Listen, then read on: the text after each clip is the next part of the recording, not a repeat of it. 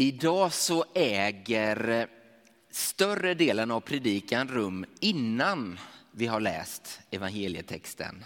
Så sitt kvar en stund till så ska vi snart stå upp och läsa texten. Jag vill nämligen hjälpa oss att sätta in den här händelsen när Jesus rider in i Jerusalem i dess historiska sammanhang. Och då har vi också lutat oss mot en del forskning utanför Bibeln. Men jag tycker att väldigt många delar trillar på plats på ett annat sätt om vi också får med oss den bilden. Vi ska börja med då att se på vilka det är som har makten i det här området. Vi befinner oss ju i romarriket, ett gigantiskt imperium som sträcker sig från Storbritannien ungefär ända bort till Indien. Ett gigantiskt välde med en kejsare på toppen. För att liksom kunna hålla kontroll och eh, ordning, om man så vill, över ett sånt otroligt stort område med så mycket människor. Så kom kejsar Augustus att påbjuda det som kallades för Pax Romana, den romerska freden. Och det är kanske inte riktigt så tjusigt som det låter. För att det var ju en högst påtvingad fred. För att hålla ett så stort område och så många människor lugna så krävs det alltid ett förtryck. Och det var precis så det var. Den här freden kom då att sträcka sig från 27 före Kristus till Marcus Aurelius 180 efter Kristus. Så Jesu tid är ju ganska så mitt i det där, eller i början av det. Man kan tänka sig in i kommunikationsvägarna. Hur tog man sig fram? Ja, man satte sig ju inte på ett tåg eller ett flyg direkt. Det tog ju månader att överhuvudtaget röra sig i de här områdena. Hur skulle man som en väldig kejsare kunna kontrollera ett sådant område? Lösningen blev att välja ut män som man anförtrodde och så placerades de ut i lite mindre geografiska områden. Och i Juda så var det vid Jesu tid Pilatus som hade fått den rollen. Han lever i en flådig lyxort, Caesarea, ute vid havet. Och han har ett problem som handlar om just den här veckan, den här tiden på året. Då samlas nämligen judarna i Jerusalem för att fira det osyrade brödets högtid. En högtid som man firar till minne av att man en gång var förtryckt av en förtryckare från ett annat land i Egypten. Men att Gud hade visat att han hörde deras bön och längtan efter befrielse och förde dem ut ur Egypten. I och för sig en förberedelsetid, ett mellansteg, 40 år i öknen, men en ny frihet. Om man då är en förtryckare från en annan kultur, ett annat land. Då kanske man inte är jätteintresserad av att de ska tänka allt för mycket på sin historia. Vi har en gång blivit fria. Tänk om vi kan bli det igen. Man räknar med att 200 000 judar samlades just i Jerusalem just de här dagarna. Den lösning Pilatus då kom fram till för att sända en väldigt tydlig signal till det judiska folket. Tänk inte ens tanken. Det var att mobilisera en kraftfull stor parad som tågade in i Jerusalem. Först kom det romerska fälttecknet.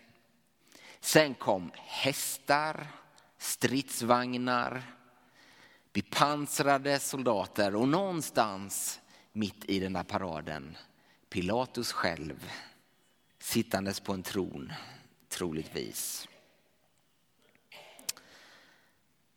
Samtidigt, i en annan del av Judeen, händer det vi nu ska läsa. Och då står vi upp tillsammans och läser ifrån Lukas evangeliet, det 19 kapitlet.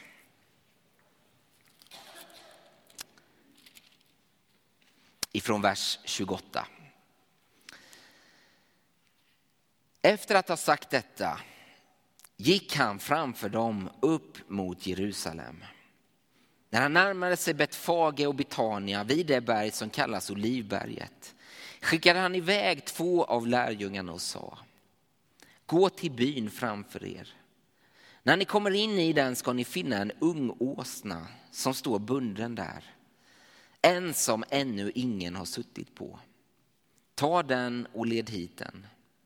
Om någon frågar er varför ni tar den ska ni svara Herren behöver den. De båda lärjungarna gav sig iväg och fann allt vara som han hade sagt. När de skulle ta åsnan sa de som ägde den, varför tar ni åsnan? De svarade, Herren behöver den. Och de ledde den till Jesus och la sina mantlar på den och hjälpte honom upp. Där han kom ridande bredde folk ut sina mantlar på vägen. Då han närmade sig staden och var på väg ner från Olivberget började hela skaran av lärjungar i sin glädje ljudligt prisa Gud för alla de underverk de hade sett. Välsignade han som kommer, konungen i Herrens namn. Fred i himlen och ära i höjden. Några fariseer i folkmassan sa då till honom, Mästare, säg åt dina lärjungar att sluta. Han svarade, jag säger er att om det tiger kommer stenarna att ropa. Varsågod och sitt. Fanns det några ord i texten som man kanske skulle kunna tänka sig inte är så lämpliga om Pilatus och hans här befinner sig i närheten. Konungen till exempel. Pilatus har inte visat sig varit särskilt inbjudande och inklusiv när det kommer till andra konungar än kejsaren. Var det kanske till och med så att det var av omsorg för Jesus och lärjungarna som de skriftlärda försökte dämpa er.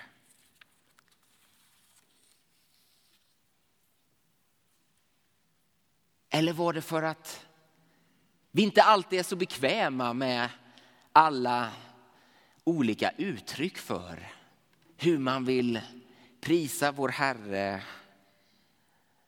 och upphöja honom.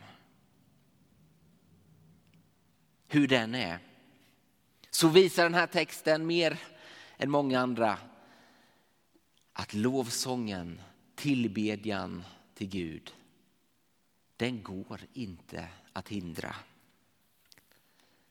Många exempel på förtryckande diktaturer som har velat hålla ner all form av tillbedjan. Men överallt ropar också stenarna. Det är ju lite märkligt det där uttrycket stenarna som ska ropa. Det finns en bakgrund också till detta.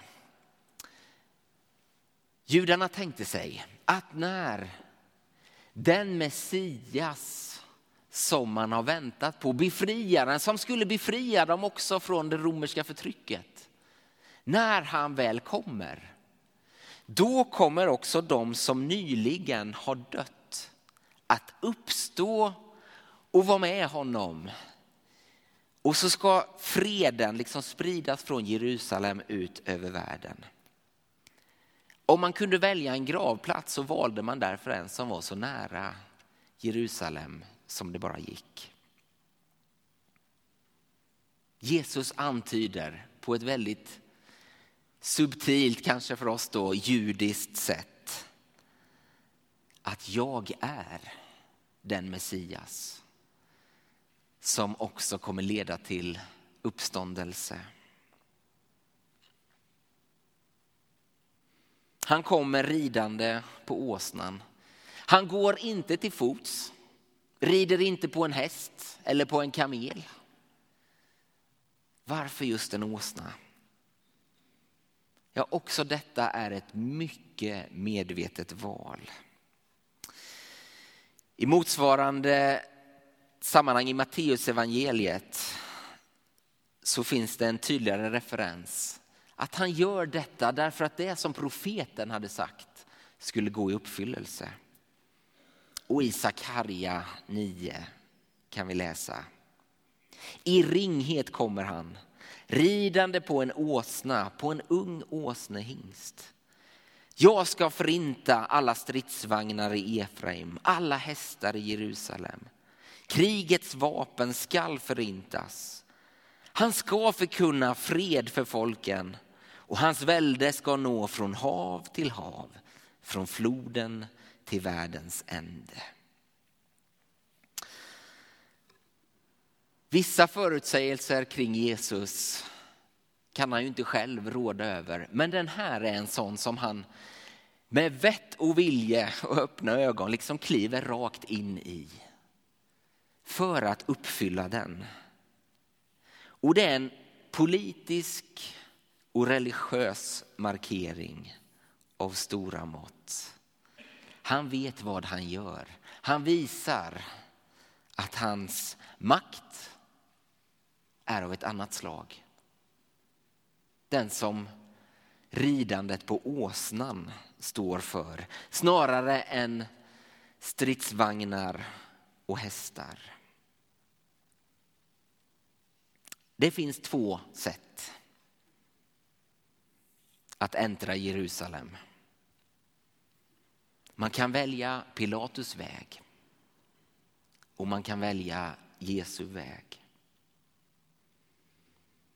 När stormakterna och vår tids kejsare skramlar med sina vapen.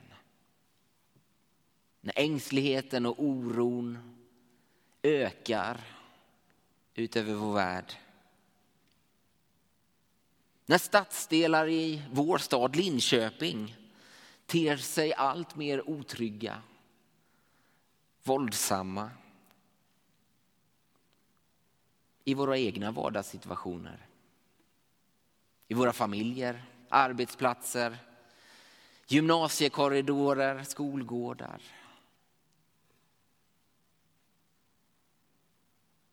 Ja, man kan alltid närma sig en konflikt på olika sätt. Fruktan och makt. Eller kärlek och tjänande. Och det hör ju till våldets illusion. Att man liksom ska bli kvitt genom vedergällning. Att man ska återgå till något slags normaltillstånd om man bara får ge igen. Att gå fredens väg kräver alltid mer av kreativitet, mod, finess, andens ledning. Men Jesu väg, ja den leder ofrånkomligen vidare från öga för öga, tand för tand mentaliteten till att älska sina fiender och be för dem som förföljer oss. Är detta naivt? Rent av oansvarigt och framförallt orealistiskt.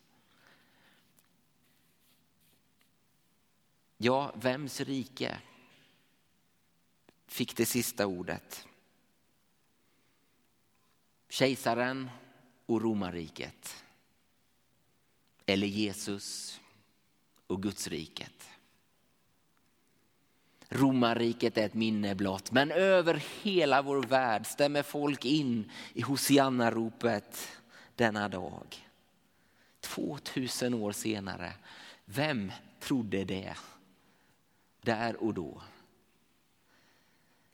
Vem trodde det i det vi kommer minnas under dagarna som nu kommer? När Jesus blir utlämnad sviken, bedragen, till slut dödad. Men det där är inte bara en historisk händelse utan en verklighet och realitet rakt in i våra liv, i vår vardag. Också vi kan följa Jesus på kärlekens och den själv utgivande livets väg. Valet är också vårt. Pilatus väg eller Jesu väg. Amen.